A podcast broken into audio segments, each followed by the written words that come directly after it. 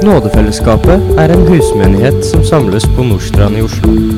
Vi håper at forsyndelsen du nå skal få høre, vil bevare og velsigne deg i Herren Jesus Kristus.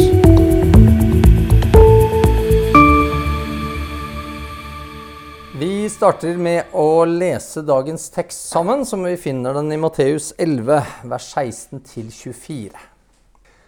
Men hvem skal jeg ligne denne slekt med? Den ligner små barn som sitter på torgene og roper til sine lekekamerater. Vi spilte på fløyte for dere, men dere ville ikke danse. Vi sang klagesanger, men dere ville ikke gråte. For Johannes kom, han verken åt eller drakk, og de sier, han er besatt av en ond ånd. Menneskesønnen kom, han eter og drikker, og de sier, se, for en storeter og vindrikker, tolleres og synderes venn. Men visdommen er rettferdiggjort av sine barn. Så begynte han å refse de byene hvor de fleste av hans kraftige gjerninger var gjort, fordi de ikke hadde omvendt seg. Ved deg, Korasin. Ved deg, Betsaida. Dersom de mektige gjerningene som er gjort i dere, var blitt gjort i Tyros og Sidon, da hadde de for lenge siden omvendt seg og kledd seg i sekk og aske. Det sier jeg dere. Tyrus og Sidon skal få det tåleligere enn dere på dommens dag. Og du, Kapernaum, som er blitt opphøyet like til himmelen, like til dødsriket skal du bli nedstøtt. For dersom de kraftige gjerninger som er gjort i deg, var gjort i Sodoma, da var den blitt stående til denne dag. Det sier jeg dere, Sodomas land skal få det tåleligere enn du på dommens dag. Kjære Herre, vi eh, ber nå om at dette ordet ditt at det kunne få bli lagt ut på en slik måte at det var i samsvar med din vilje, og at det kunne få bli noe som trengte inn i hjertene våre, at vi kunne lære av det, Herre, i Jesu navn. Amen. Jesus han avslutta forrige ukes tekst med å si 'Den som har øre, han hører'. Og Da så vi på hvordan det hang sammen med å ta imot Jesus sitt budskap. Det var jo noen vilkår festa til dette. Det handla om å tro på profetiene fra Det gamle testamentet. Den som ikke har ører å høre med, han ble som et svaiende siv, som ville bøye seg for enhver vind som kom. Eller så vil han bli som en bølge som kastes hit og dit, som er jo et annet bilde som Bibelen bruker i Jakobs brev. Så troen den er altså ikke noe svakt. Vi har en tendens i vårt samfunn til å tenke at tro å ja, ja, det, Du har vitenskap liksom, som er noe solid, og, og, sånn, og så har du tro som er litt sånn derre ja, ustødige, subjektive, merkelige greier. Bibelen beskriver dette helt annerledes. For hvis du har tro, det er et så sterkt fundament at du kan stå imot de kraftigste vinder, de kraftigste bølger og all mulig sosialt press. Det er det som kan holde en mann oppe, både for tiden og evigheten. Så det vitner om at tro, venner, det er noe helt, helt annet enn den måten vi bruker det ordet i vår kultur. Tro, det er sterke ting. Og så er tro nøkkelordet for den delen av Bibelen som vi disse søndagene arbeider oss gjennom. Det handler om hvordan mennesker forholder seg til Jesus. Om de tror på vitnesbyrdene om han, tror på det han sier, tror på profetiene, tror hans eget vitnesbyrd om hvem han er, og hvordan tro gir seg da et utslag i livet. Hvilke konsekvenser altså har et møte med Jesus? Hva skaper det hos deg og meg? Og så er forskjellene veldig, veldig store på akkurat det. Johannes han er jo én som vi har fått beskrevet nå noen uker, og han var jo begynt å tvile, han også. Og Så kom han likevel til Jesus da med sin tvil, som vi har sett på, og det vitner altså om at han egentlig hadde en veldig stor tro. Og så er det mennesker som også tror, og de hevder at de tror på Bibelen, de, de tror på Gud og, og, og alt dette, men de, de finner alltid grunner for å kritisere. De, de, vil kritisere budskapet, kritisere stilen, kritisere vilkårene som blir satt. Og så blir kritikken den retta mot kirken, mot prester, mot Johannes eller mot Jesus. Det er alltid en eller annen form for kritikk. Ja, ja, de tror, men det, det, det er en voldsom kritisk tanke bak alt. Og så er det mennesker som tror, Og måten de tror på, er litt sånn merkelig, fordi at det er det vi vil kalle nominelle kristne kanskje i dag. Eller altså kulturkristne. Altså mennesker som forholder seg fullstendig likegyldig til Gud. Ja, ja, altså jeg er jo kristen, ja, jeg tror, osv. Men budskapet om Hans rike det, det, det, forholder de seg helt likegyldig til. Og uansett hva de hører, eller hva de erfarer i livet, så fortsetter de å leve livet akkurat som før. Det er ingenting som skjer. Jesus han starter dagens tekst med å gjøre det klart at han kommer med en lignelse. Altså et bilde som skal prøve å klargjøre et poeng. Skape en eller annen sammenligning for at folk skal forstå noe som er viktig. Hvem skal jeg ligne denne slekt med? spør Jesus. Hvordan altså, er det menneskene i Israel oppfører seg? Hvordan er dette Guds utvalgte folk egentlig? Hvem er det jeg kan sammenligne dem med? Ja, De ligner på små barn, sier Jesus. Han er så herlig direkte, syns jeg. Han sier det som det er. Han sier det rett ut at folket er barnslig. Det er det han sier. Dere er skikkelig barnslig. Og når jeg ser tilbake igjen på eget liv, så kan jeg altså gremmes mer enn én en gang over hvor ufattelig barnslig jeg lenge var. Kanskje til og med er ennå. Altfor lenge. Ja, og Langt opp i voksen alder altså, så kunne jeg føle meg barnslig. Det er ikke like ille lenger, det, det, det er jeg glad for å kunne si, men, men det varte så altfor lenge. Og Jeg husker også på ungdomsskolen hvor ufattelig irritert jeg var på hvor barnslig folk rundt meg var. De var så barnslige i måten de forholdt seg til mote og forskjellige ting. Eller vi kunne sitte inne og høre på viktige ting. Folk som snakka om rusproblemer, eller politiet kom på besøk, eller vi hadde noe viktig i timen. Og så gikk de ut i, i, i friminuttet etterpå og bare fjasa alt bort. Virka ikke som de ofra det en tanke. Superbarnslig. Med fem barn så har jeg arbeida ganske mye for å fjerne barnslighet. For å begrense det. Få bort på en måte den barnsligheten og modne tankene og modne sinnet og handlingene til barna. Og det typisk barnslige, det er å fraskrive seg ansvar. Det er å fraskrive seg ansvar. Barn de vil ofte umiddelbart si 'Det er ikke min skyld'. det er det barnslige. Og så vil de begynne å skylde på andre. Det er alltid noen andre sin skyld. Det barnslige det finner alltid kritikkverdige forhold hos andre. Uten å se bjelken i eget øye, da, hvis vi skal bruke et annet bibelsk bilde. Jødene på denne tiden var altså barnslige, ifølge Jesus. Og så burde man kanskje egentlig ikke være spesielt overraska over det. Israel var tross alt okkupert. Og så lurer du kanskje på hva i all verden har det med barnslighet å gjøre? Det er vel ikke din skyld at du, du, du blir okkupert, liksom? Ja, det er ikke så helt sikkert at det ikke har med det å gjøre. Når en, et samfunn blir barnslig, så har de en tendens til å gå, å, gå i hop på en måte. Altså Samfunnet rakner. De blir inntatt av andre. Dette vi gang, ser vi gang etter gang.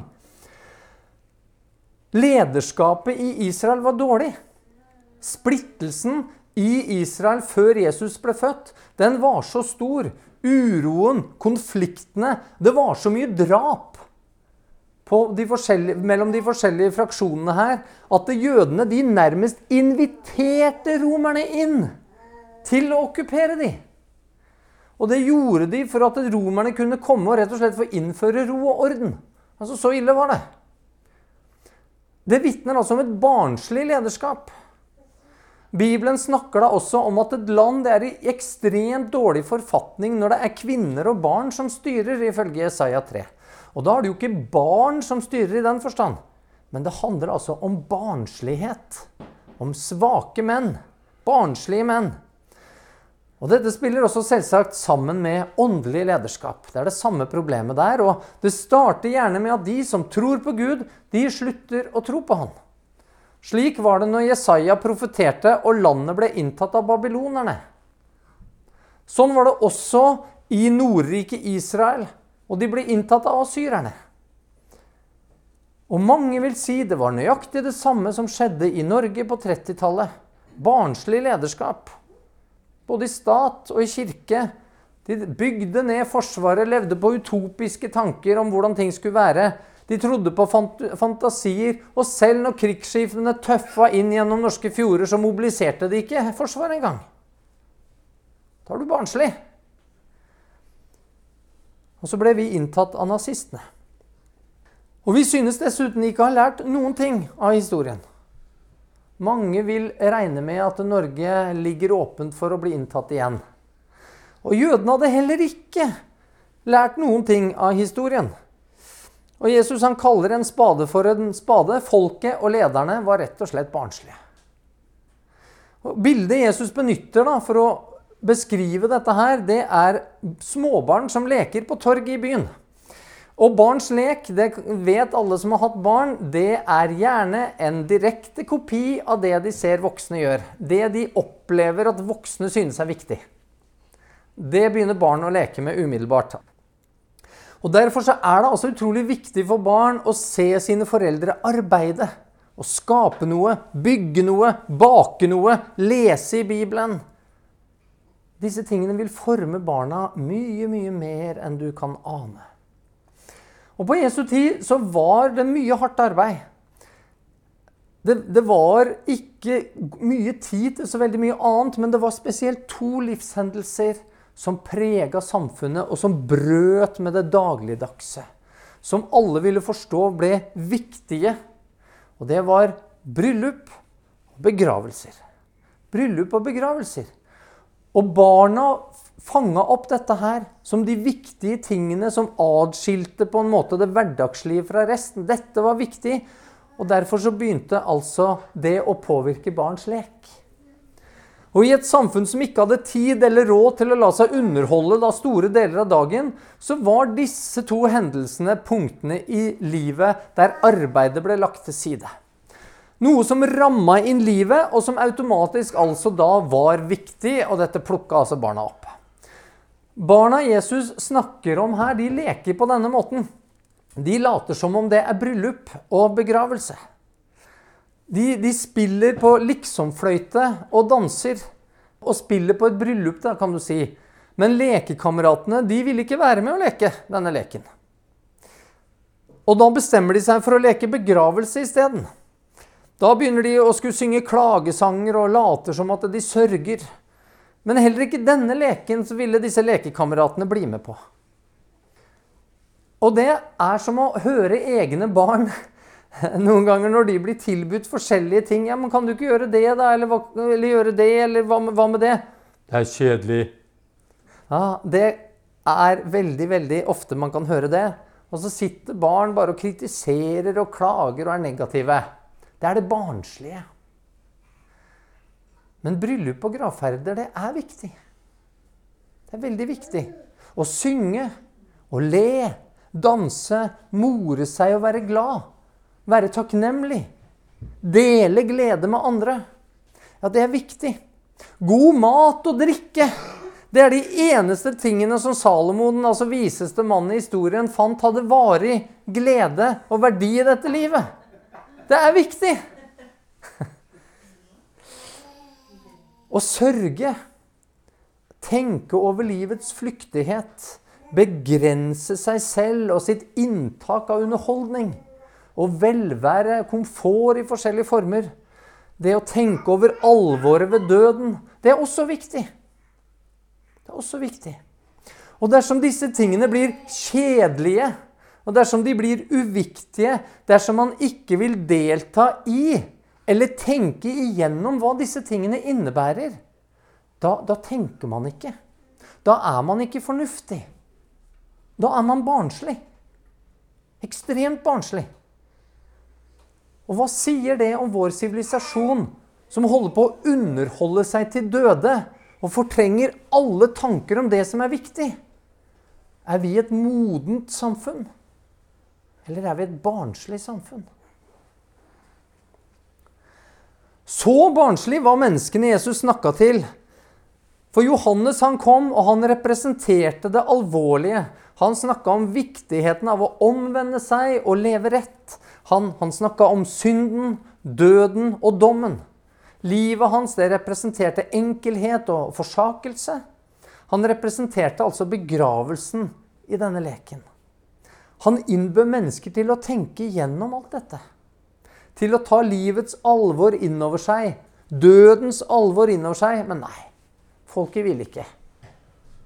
Nei, altså Johannes han var altfor ekstrem. Altså, Moderne kristne ville sikkert kalt han lovisk. Altså en grinebiter, mørkemann. Han var en puritaner og en fundamentalist. En som tok Bibelen altfor bokstavelig. Han trodde jo på en faktisk dom, akkurat sånn som det blir beskrevet i Det gamle testamentet. En som ikke tillot seg underholdning av noe slag, og, og selv ikke god mat og drikke. Fyren var jo ikke rett bevart. altså Nei, en, en slik person det vil vi ikke høre på. Vi, vi blir ikke med på den leken. For Johannes kom, han verken åt eller drakk, og de sier han er besatt av en ond ånd. Nei, heller ikke menneskene på Jesu tid ville høre på Johannes. Han virka jo helt besatt av sitt budskap, bokstavelig talt. Nei, troen må ikke få bli så altomfattende. Det får liksom være grenser. Og så kom Jesus. Og han representerte bryllupet i barnas lek. Han ble jo med på festlighetene. Han spiste og drakk, han mora seg, og han lo. Og dette hadde jo ikke unnslippet eh, oppmerksomheten til Johannes sine disipler. Det så vi på i kapittel 9. Og de spurte Jesus om hvordan han og disiplene hans Hvorfor fasta ikke de? Og Da svarte jo Jesus at de ikke kunne faste så lenge brudgommen var sammen med dem. Jesus han gledet seg altså med de glade. Men vi vet også at han sørga med de sørgende. Ja, han gråt med de gråtende. Akkurat slik som Paulus skriver at vi skal gjøre det i Romerne 12. Jesus han gjorde vann til vin. Han gikk inn til tollere og syndere, og han gikk inn til fariseere. De som innbød han, kom han inn og tok han inn til. Så Jesus han møtte alle. Han levde på mange måter et fullt liv på denne måten. Han trakk seg ikke ut i ørkenen slik som Johannes hadde, men han hadde jo sitt hovedkvarter midt i Kapernaum, i byen. Han var til stede, møtte mennesker, han erfarte alle livets sider. Han deltok i hva skal vi si, alt det som livet hadde å by på, om du vil si det på den måten. Menneskesønnen kom. Han eter og drikker. Og de sier, 'Se, for en storeter og vindrikker'. Tolleres og synderes venn. Så selv om altså Jesus her representerte det motsatte av Johannes, noe folk hadde tatt avstand fra, så ville de likevel ikke lytte til han. De ville likevel ikke tro på han. Jesus han var for lystig. Han var for lite alvorlig.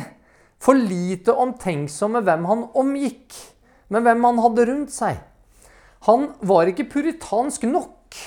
Ikke, ikke ren nok. Tok ikke tradisjonen og menneskebudene alvorlig nok. Så ikke farene ved musikken og festene og alkoholen slik som han burde. og Jesus han ble en farlig liberaler som likevel var altfor konservativ dersom andre unnskyldninger ikke passa. Hele poenget som Jesus prøver å vitne om, er at det, uansett hvilken form sann tro vil presentere seg, så vil barnslige mennesker alltid ha en unnskyldning for ikke å tro. Vil alltid finne en eller annen grunn for ikke å holde fast på det som Guds ord sier. De er barnslige fordi deres fornektelse av Skriften er ikke rasjonell. Deres innvendinger strider mot seg selv. For hvis de hadde avvist Johannes pga. at Johannes var sånn, så kunne de jo ikke samtidig avvise Jesus når han var helt annerledes. Så deres innvendinger mot kristen tro den vil på mange måter være motstridende. Det er som med moderne politisk korrekte og såkalt tolerante mennesker. De, de møter seg selv i døren hele tida. Og Derfor så tåler de ikke å høre mennesker som mener noe annet enn dem selv. Høre på mennesker som avslører deres hykleri og doble standarder og godhetsposering. For disse må derfor kanselleres og boikottes. Og Derfor så er slike de mest intolerante du møter, og også de mest barnslige. De aller mest barnslige. Og de er på mange måter ganske like fariseerne på Jesus sin tid, når du begynner å tenke over det. Fordi de tenker at de er de rettroende, og de er de moralsk høyverdige i egne øyne. Men ingenting av det de egentlig tenker og tror, henger egentlig sammen. Og det fører gjerne til det motsatte av det de regner med det skal. Barnsligheten den vises gjennom at det alltid er noe galt med det som altså er utenfor dem selv. Det er alltid selve systemet det er noe gærent med. Og Da kan man kanskje begynne å peke litt på den typiske venstreradikale eller sosialistiske, som alltid vil prøve å finne en feil med systemet. Det er aldri enkeltmennesket eller en selv det er noe gærent med. Det er alltid noe utenfor en selv. Det er alltid systemet som må reformeres. Og Jesus sier egentlig her at den måte å tenke på er barnslig. Det er feil. Enten så er det presten som ikke duger. Eller så er det menigheten det er noe gærent med. Eller organisasjonen. Det er kjedelig. Stilen passer ikke. Nei, det er ikke moderne nok. Nei, det er ikke tradisjonelt nok. Teologien er ikke inkluderende nok. Eller skaper ikke sterke nok grenser mot det verdslige. Bibelen er ikke troverdig. Nei, det er i hele tatt noe galt med den Gud vi finner i Skriften. Listen den er uendelig lang her, fordi den vil alltid finnes en grunn for hvorfor slike ikke skal tro slik som det står. Tro det Jesus sier. Og det er alltid noe med personer eller med stil som kommer i veien. Noe utenfor en selv. Det er alltid noe der det er noe gærent med. Og hvis du merker at du har den tendensen, så må du begynne å tenke deg om. Hvorfor er det alltid noe gærent alle andre plasser? Men visdommen er rettferdiggjort av sine barn, sier Jesus. Og dette kan du tenke på på to forskjellige måter. På tross av sviktende grunnlag så vil de som er ulydige mot Gud, de vil jo forsøke å rettferdiggjøre sine egne tanker, sin egen visdom. Ofte så vil det handle om en form for selvrettferdighet. Enten denne viser seg gjennom loviskhet eller loviskhet og konservatisme, da, om du vil bruke det ordet. Eller gjennom en grenseløs liberalistisk inkludering og såkalt kjærlighet der sannheten aldri egentlig er inkludert. Og Begge grupper vil tenke at de er litt bedre enn andre pga. det de står for, og det de gjør. De er moralsk overlegne i egne øyne, og derfor er det så lett å kritisere andre. Og Samtidig så vil visdommen bli rettferdiggjort gjennom god frukt hos de ydmyke.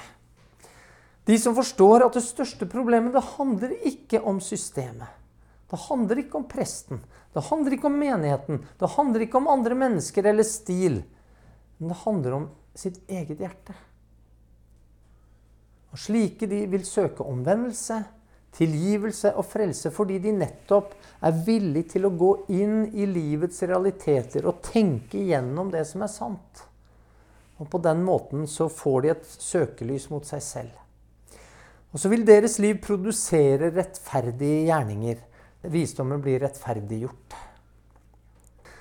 Denne første gruppen Jesus snakket om, det tilhørte gjerne den åndelige elite og lederskap. For tross alt så hadde disse en sånn tro som gjorde at den troen var såpass viktig for dem at de var engasjert. De gadd å kritisere. De, de gadd å bry seg om hva som var sant. Den neste gruppen Jesus snakker om, den er åpenbart vesentlig verre. Og grunnen kan synes litt merkelig, fordi at hvis vi møtte disse, denne neste gruppen, så ville de åpenbart vært mye mindre irriterende å møte. For slike er tilsynelatende ikke så kritisk til sann kristen tro. Men når man får observert dem over tid, så handler denne manglende kritikken ikke om en sympati men om likegyldighet. Jesu kritikk her skal vi legge veldig merke til. Jesu kritikk av de barnslige den er veldig mild sammenligna med det som nå kommer. Så begynte han å refse de byene hvor de fleste av hans kraftige gjerninger var gjort, fordi de ikke hadde omvendt seg. Det var noen byer som fikk oppleve altså mye mye mer av Jesu kraftige gjerninger enn andre. Mye mer av hans forkynnelse og mirakler. Og til tross for dette så omvendte de seg ikke. Hvis vi tror noen ganger at det, bare, vi, bare, bare, vi, bøtter på med forkynnelse og, og, og, åndelige opplevelser, så skal vi dermed liksom bli vokse voldsomt i troen eller bli mer åndelige osv. Nei, det er ikke nødvendigvis sånn. Det handler om hvordan du tar imot det du hører. For til tross for at disse altså fikk enormt mye Og vi vet jo at de strømte til. Jesus han kunne jo knapt gå noen plass uten at det var folk rundt ham. Så omvendte de seg likevel ikke. Måten du lytter, er viktig. Hvorfor omvendte de seg ikke, da? Bryllup og gravferd det representerte viktige begivenheter i et menneskes liv. Spesielle begivenheter som egentlig også vitner om en mye større åndelig sannhet. Om en åndelig virkelighet. Og Dette har vi snakka litt om tidligere også, men der det spesielle blir allment, der det blir normalt, der det blir vanlig, så vil det ikke lenger skape refleksjon. Du, du slutter å tenke. Altså Bare tenk deg om du gikk i bryllup hver eneste dag. Hvordan i all verden skulle du tenke at det var noe spesielt? Du, du ville ikke kjenne på noe høytid da. Du ville ikke sette pris på maten.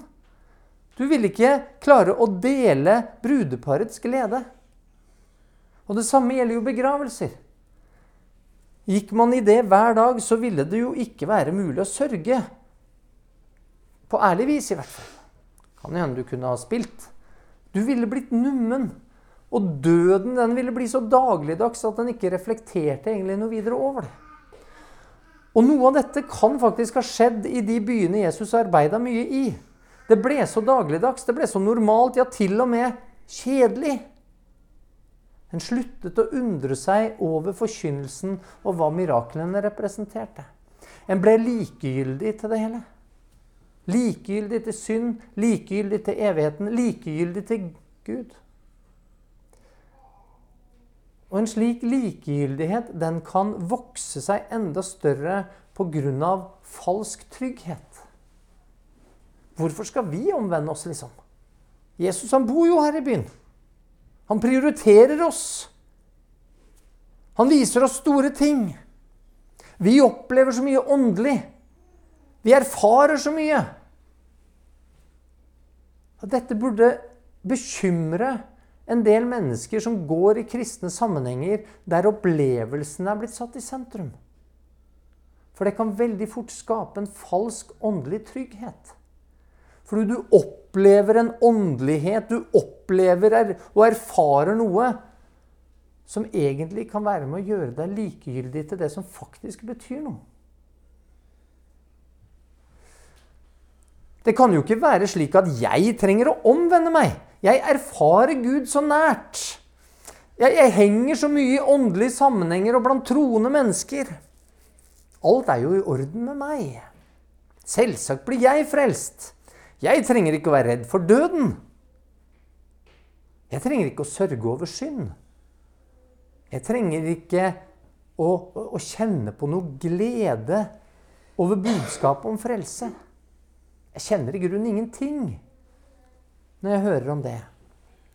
Enten jeg hører et budskap om nåde eller et budskap om dom, så klarer jeg å ta det med fatning. Det påvirker ikke meg så mye. Jeg har jo hørt det før. og Alle blir vel egentlig frelst til slutt uansett. Hvorfor må man henge seg så mye opp i dette? Hvorfor skal det påvirke mitt hverdagsliv?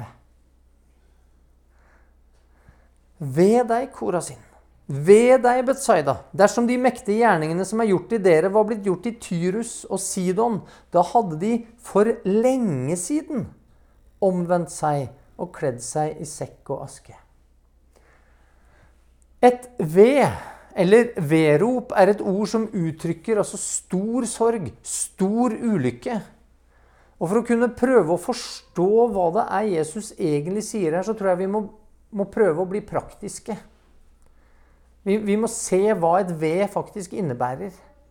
Og det finner vi i Johannes' åpenbaring. Der er det tre vedrop som rammer jorden. Og Når vi begynner å lese om disse, så skjønner vi at et ved det er ikke noe småtteri. Det første vedropet det, det omhandler en pine som menneskene har, som er så smertefull at alle mennesker ønsker de var døde. Men de skal ikke klare å dø. Det andre vedropet, der dør en tredjedel av befolkninga på jorden. Og de som er igjen, de vil oppleve ekstreme plager og vanskeligheter. Og det tredje ved, det omhandler en forførelse, en løgn som rammer alle mennesker på jorda. Alle som ikke er skrevet inn i livets bok. De tror de tilber en sann gud, men det er en falsk gud. Det store vedet er at de står under Guds vrede. De er under Guds dom, og så ender det med at Gud dømmer de til ildsjøen. Når Gud altså bruker ordet 'ved', så er det innmari alvorlige saker.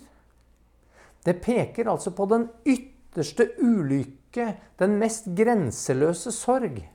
Og også i åpenbaringen så rammer et ved mennesker fordi de ikke omvender seg.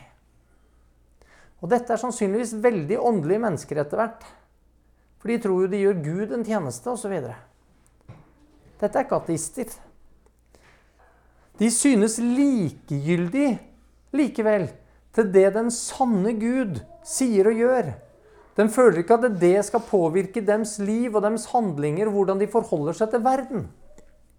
Men de følger gjerne det som er falskt. Tyrus og Sidon det var byer som ligger i dagens Libanon. og Tyrus eh, det var en eh, spesiell by som lå en del hundre meter ute i sjøen. Og var liksom ansett som umulig å innta. Og så var det til slutt Aleksander den store, hvis jeg ikke husker helt feil fra historiebøkene her, som klarte å innta den byen ved at han lempa masse stein ut i vannet og lagde på en måte en gangvei ut der og klarte å, å, å rive ned byen. Så den ble ødelagt. Men Sidon den eksisterer fortsatt, og det er Libanons tredje største by i dag. Dette var fønikiske byer fra gammel tid. Det, er, eh, det var et, et, sjøfolk kan du si, som drev mye med handel i, i, Middelhavet. Og det var havnebyer, og de var spesielt kjent for sin ondskap.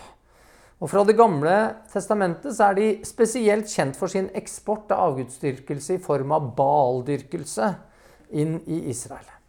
Og Dronning Jesabel, f.eks., det aller verste kvinnfolket du kan lese om i Bibelen, hun kom fra Sidon. Disse hedningene, sier Jesus, de ville ha omvendt seg for lenge siden om de hadde fått hørt og sett det som Korasin og Betzaida fikk oppleve.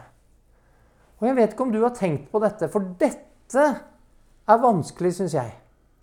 For det første jeg begynner å lure på da, er hvorfor gikk ikke Jesus dit? Hvorfor gikk ikke Jesus dit? Hvorfor kasta han bort tid? i anførsel, i Betzaida og Korasin, som ikke tok imot, når han sjøl sier at han kunne frelse mennesker i disse byene? Bibelen gir ikke noe svar på det spørsmålet. Det tilhører Guds skjulte råd. Men at det er tankevekkende, det er det liten tvil om. Jesus fortsetter å si at det på samme måte som at det er forskjellig belønning for den som blir frelst, som vi har sett på, så er det forskjellig dom. Forskjellig nivå av straff for den som går fortapt. Det sier jeg dere, Tyrus og Sidon skal få det tåleligere enn dere på dommens dag. Menneskene i disse ugudelige, avgudsdyrkene og syndige byene de vil få en mildere dom. De vil få det bedre på dommens dag enn de som trodde på Jave i disse jødiske byene. Mennesker som nok menneskelig sett levde vesentlig bedre og mer i pakt med Guds lov enn de gjorde i Sidon og Tyrus. Og venner, dette her er svært alvorlig. Det å leve tett på sannheten, høre den, oppleve den og se den og ikke omvende seg, det er å egge opp, det er å fyre på, det er å legge ved på Guds vrede det er å sikre seg den aller strengeste straffen. Den aller kraftigste dom. Og du, Kapernaum, som er blitt opphøyet like til himmelen. Hvorfor var de det? Jo, fordi Jesus hadde sitt hovedsete der. Himlenes rike var kommet nær. Like til dødsriket skal du bli nedstøtt. For dersom de kraftige gjerningene som er gjort i deg, var gjort i Sodoma, da var den blitt stående til denne dag. Hovedkvarteret til Jesus, Kapernaum, den byen som fikk oppleve aller mest av hans forkynnelse. De lot seg likevel ikke omvende, og så blir de sammenligna med Sodoma. Altså, Tenk deg å være innbygger her i Kapernaum og høre det her. Dette er altså byen Sodoma som for all ettertid har gitt merkelappen sodomi til de mest utagerende og avvikende seksuelle handlinger. De, de, var kjent for sin homoseksualitet, men som var så drevet av begjær at selv om de altså mista synet og ble blinde, så ville de likevel forsøke å voldta Lot sine gjester. Du, du klarer nesten ikke å forestille deg en sånn type ondskap. Og Derfor så tror jeg at de fleste som hørte Jesus si dette her, de rista nok fælt på huet. Dette følte de var blodig urettferdig. For de så på sine liv. Og de kunne ikke forstå hvordan de som levde på den måten de gjør, og gikk i synagogen sant, hver sabbat og, og, prøvde å leve etter budene så godt de kunne, at de skulle bli refsa så voldsomt. At Jesus begynte å sammenligne de med de folka der i Sodoma. Ikke bare sammenligna, men han plasserte de lavere. I alle dager, Jesus, hva er det som er gærent med deg?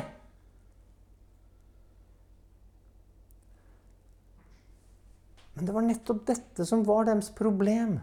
Og det er dette som er problemet, venner til mennesker, også i dag. For evangeliet, det handler ikke om hvordan du har klart å leve. Det handler ikke om hva du har klart å gjøre. Det handler om hvordan du forholder deg til Jesus. Og hva han gjorde. Hva han sier. Dersom du har ører og hører, så vil du skjønne at ditt liv det er milevis unna å være godt nok. Å sammenligne deg med noen andre er fullstendig meningsløst i denne sammenheng. Og Derfor så snakker ikke Jesus her, han sammenligner ikke den, disse menneskene med, med livsførsel. Han sammenligner de bare med hvordan de hørte på han. Hvordan tok de imot det de hørte? Det er det eneste han sammenligner her. Han stiller ikke opp og disse var, mer, disse var finere og rikere og mer rettskaffende, eller hva det nå enn er. Nei, kun hvordan forholder du deg til dette budskapet. Og den som har ører han hører, og hører, han skjønner at jeg må forholde meg til det Jesus sier. Jeg trenger en frelser. Du trenger en som kan gå god for deg foran en hellig Gud. En som kan kjøpe deg fri fra den voldsomme gjeld du har pådratt deg. Som kan løse deg ut fra den synd som binder deg, og som så lett henger fast med meg og med deg.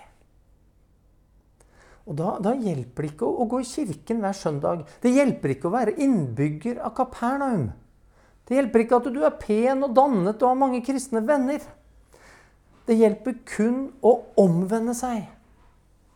Og dette må vi gjøre igjen og igjen. Kristne mennesker som har levd en stund, de snakker om daglig omvendelse. Daglig omvendelse. Ja, det trenger jeg. Daglig omvendelse. Og det, det er vanskelig fordi du begynner å kjenne på at hvordan kan Gud ta imot meg som må komme igjen?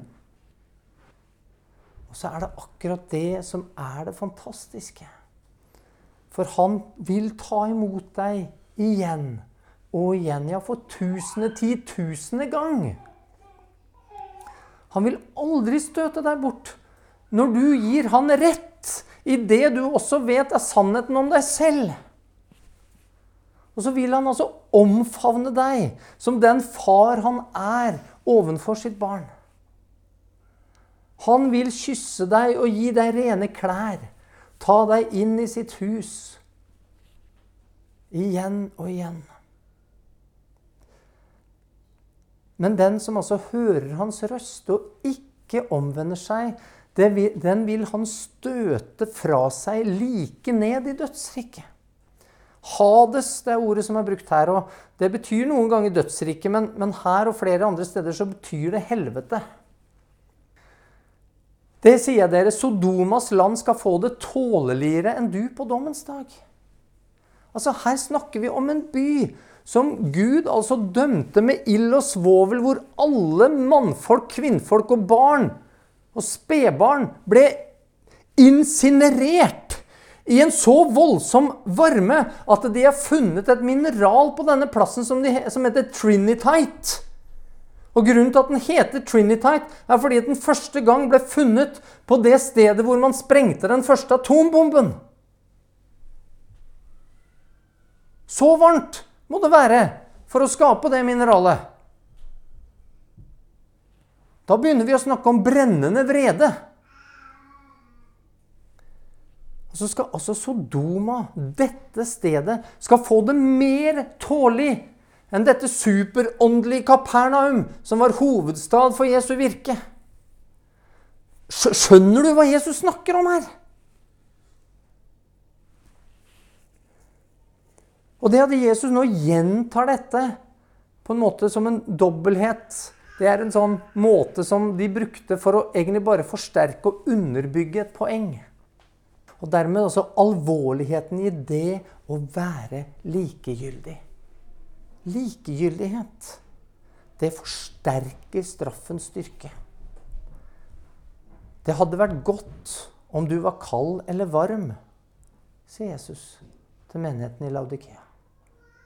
Men fordi du er lunken og verken kald eller varm, vil jeg spy deg ut av min munn. Det er ingenting som vitner om større forakt for Gud enn likegyldighet til Han. Selv altså avgudsdyrkelse og pervers seksualitet er mye bedre. Selv selvrettferdige fariseriske kritikere av Jesus er mye bedre de blir mildt behandla av Jesus sammenligna med de som er likegyldige. Og Mange som studerer Bibelen, de vil tenke at disse syv brevene som Jesus skrev i Johannes' åpenbaring, de representerer hele kirkehistorien, de forskjellige kirkene. Og Laudikea, det er den siste kirken. Og altså er den som mange mener representerer kirken i vår tid. Er vi likegyldige til Jesu budskap i kirka i dag? I samfunnet i dag? Ja, her i Vesten så er vi virkelig det. Det er en kirke preget av likegyldig lunkenhet. Men du, du som nå hører dette, vær verken barnslig eller likegyldig.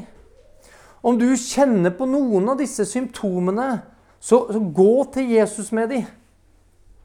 Bønnfall han om at du kan få bli annerledes. Fordi han kan gjøre kritiske og lunkne hjerter brennende. Og det gjør han ikke ved å fikse på det der gamle, men han, han har sagt du skal få et flunka nytt. Flunka nytt hjerte.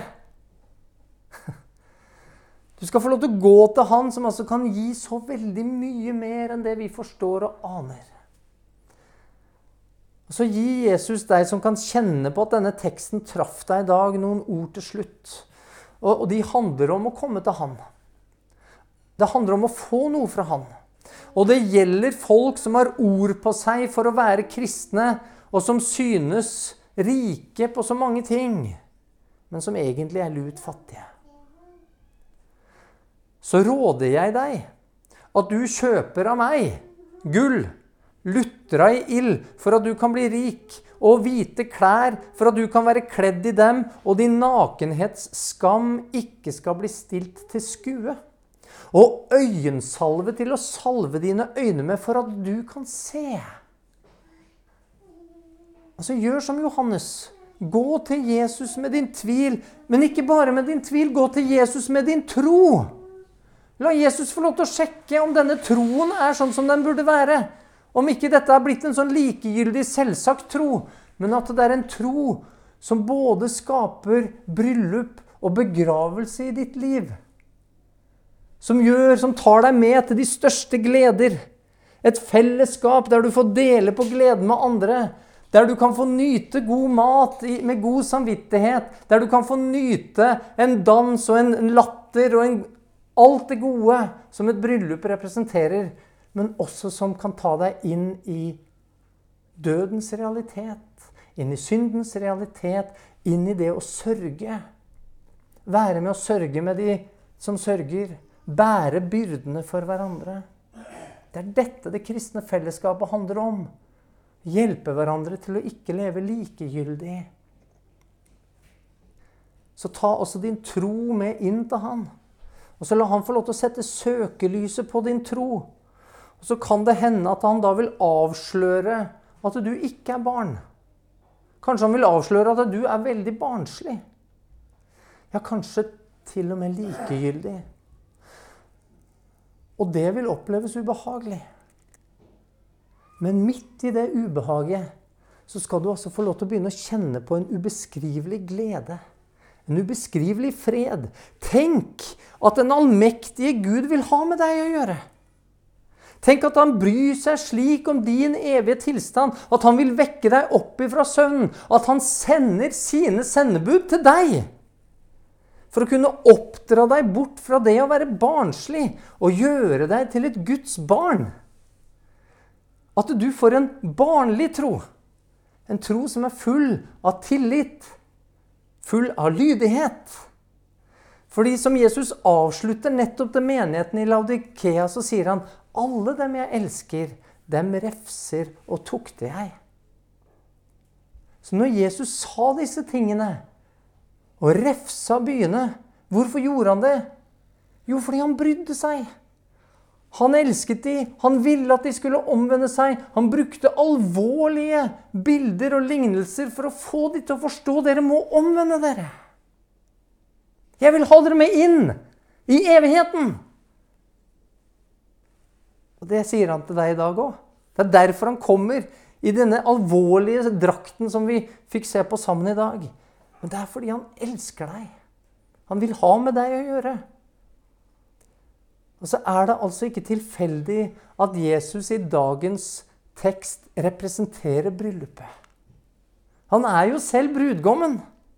Han elsker sin brud. Han innbyr deg til en evig ektepakt, der kjærligheten altså har overvunnet dødens og syndens makt. Og hvorfor skulle du være kritisk eller likegyldig til det?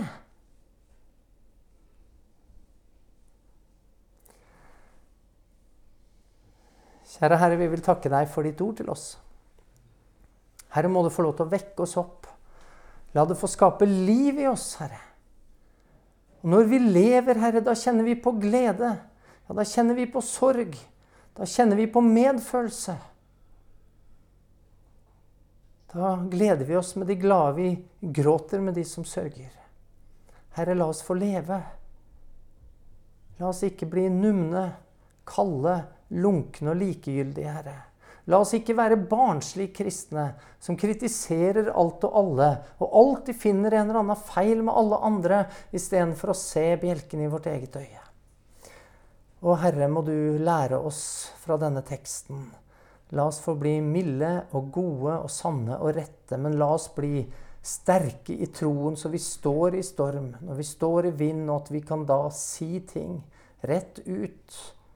Tørre å si det som er sant midt i en verden som prøver å unnslippe å tenke på det som er viktig i Jesu navn.